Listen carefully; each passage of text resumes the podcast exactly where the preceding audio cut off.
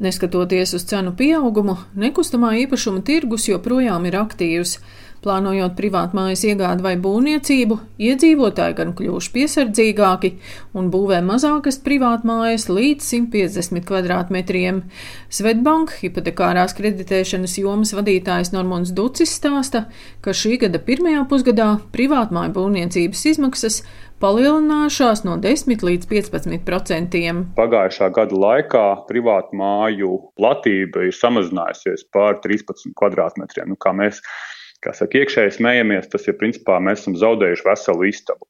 Un tādā veidā arī mūsu iedzīvotāji samazina šīs potenciālās būvniecības izmaksas, un jo tā ēka ir mazāka, jo uzturēšana būs arī lētāka un, un, un pārdomātāka. Tas, ko mēs aicinām no savas puses, nu, nevajadzētu būt pārāk optimistiskiem, ka būs iespējams uzbūvēt lētāk.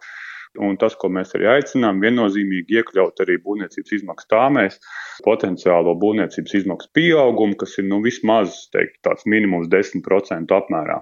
Energoresursu cenu pieauguma dēļ iedzīvotāji daudz vairāk domā par privātu māju energoefektivitāti.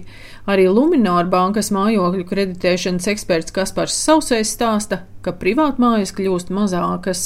Mājas, kuru kvadratūra pārsniedz 200 km2 iekštelpu platību, mēs varam uzskatīt jau par tādu lielu retumu. Un, piemēram, ja kādreiz klienti iesniedzot savu ieceri, nedomāja par saules paneļu uzstādīšanu, tad nu, mēs redzam, ka aizvien vairāk domā par to, kādas būs manas šīs gala izmaksas, lai uzturētu ziemā šo mājokli un kāds būs mans rēķins par siltumu. Lielāka aktivitāte no iedzīvotāja puses joprojām saglabājas pierīgā. 30 līdz 35 km attālums līdz Rīgas centram. Pavisam noteikti kādi 70-80% no māju būvniecības eh, šiem gadījumiem ir eh, Rīgā pierīgā.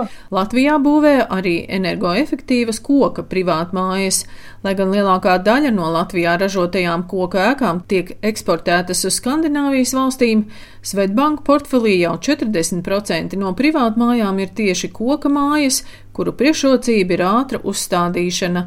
Koka būvniecības klāstera izpildirektors Kristaps Ceplis stāsta, ņemot vērā, ka lielākā būvniecības aktivitāte ir Rīgā un Pierīgā, Dabūt kredītu koka privātmājas būvniecībā reģionos ir gandrīz neiespējami, un tā ir liela problēma jau gadiem. Jo tālāk no Rīgas, jo tas uh, tirgus vērtība, par ko tiek pārdoti darījumi, ir stipri zemāka. Un, uh, ja mēs skatāmies uh, uz godīgu uzņēmēju, kurš maksā saviem darbiniekiem adekvātu atalgojumu, kurš maksā par darbiniekiem eh, nodokļus, iepērk godīgā ceļā materiālus, tad eh, to ģimenes māju nav iespējams uzbūvēt par tādu cenu, kādu ir gatava finansēt eh, finanšu institūcijas. Tāpēc, ka, teiksim, ja tajā tirgu pārdod desmit īpašumus un to īpašumu vērtība ir 30 tūkstoši, tad, diemžēl, jauna māja, kura maksā 100 vai 120 tūkstoši, vai nu tev ir jābūt pašam pietiekami turīgam cilvēkam, kuram ir tie 100 tūkstoši, vai nu ir problēmas. Nav tā, ka bankas negrib finansēt, un es pat negribu viņus tā vainot, bet, diemžēl, tā valsts ekonomiskā attīstība tāda ir, ka tajos reģionos ir gan mazākas algas, mazāk ienākumu, un tas tirgus nav tāds. Kā bankas izvērtē hipotekārā kredīta lielumu, vaicāja Svetbanka hipotekārās kreditēšanas jomas vadītājam Normundam Ducim. Mēs pieņemam, ka mājas būvniecības izmaksas nu, vidēji 200 tūkstoši eiro tad visticamāk Rīgā vai Pierīgā būs iespējams saņemt līdz šiem 85% no mājas nākotnes vērtības. Noteikti būs 200 vai pat vairāk tūkstoši. Attālākos reģionos visticamāk arī mājas būvniecības izmaksas būs 200 tūkstoši eiro, bet iespējams tās mājas uh, vērtība būs piemēram 150 tūkstoši eiro. Līdz ar to kredīta summa tiek rēķināta no šiem 150 tūkstošiem eiro, šie 85%.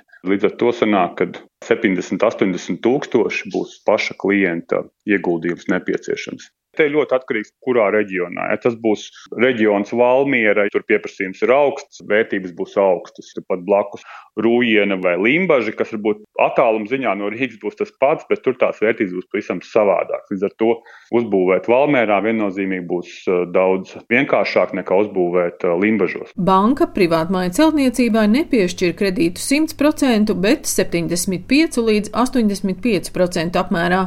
Tātad, jo tālāk no Rīgas vai attīstības centriem, jo nekustamā īpašuma pircējam būs nepieciešams lielāks paša līdzfinansējums vai papildus ķīla. Daina Zalamane, Latvijas radio.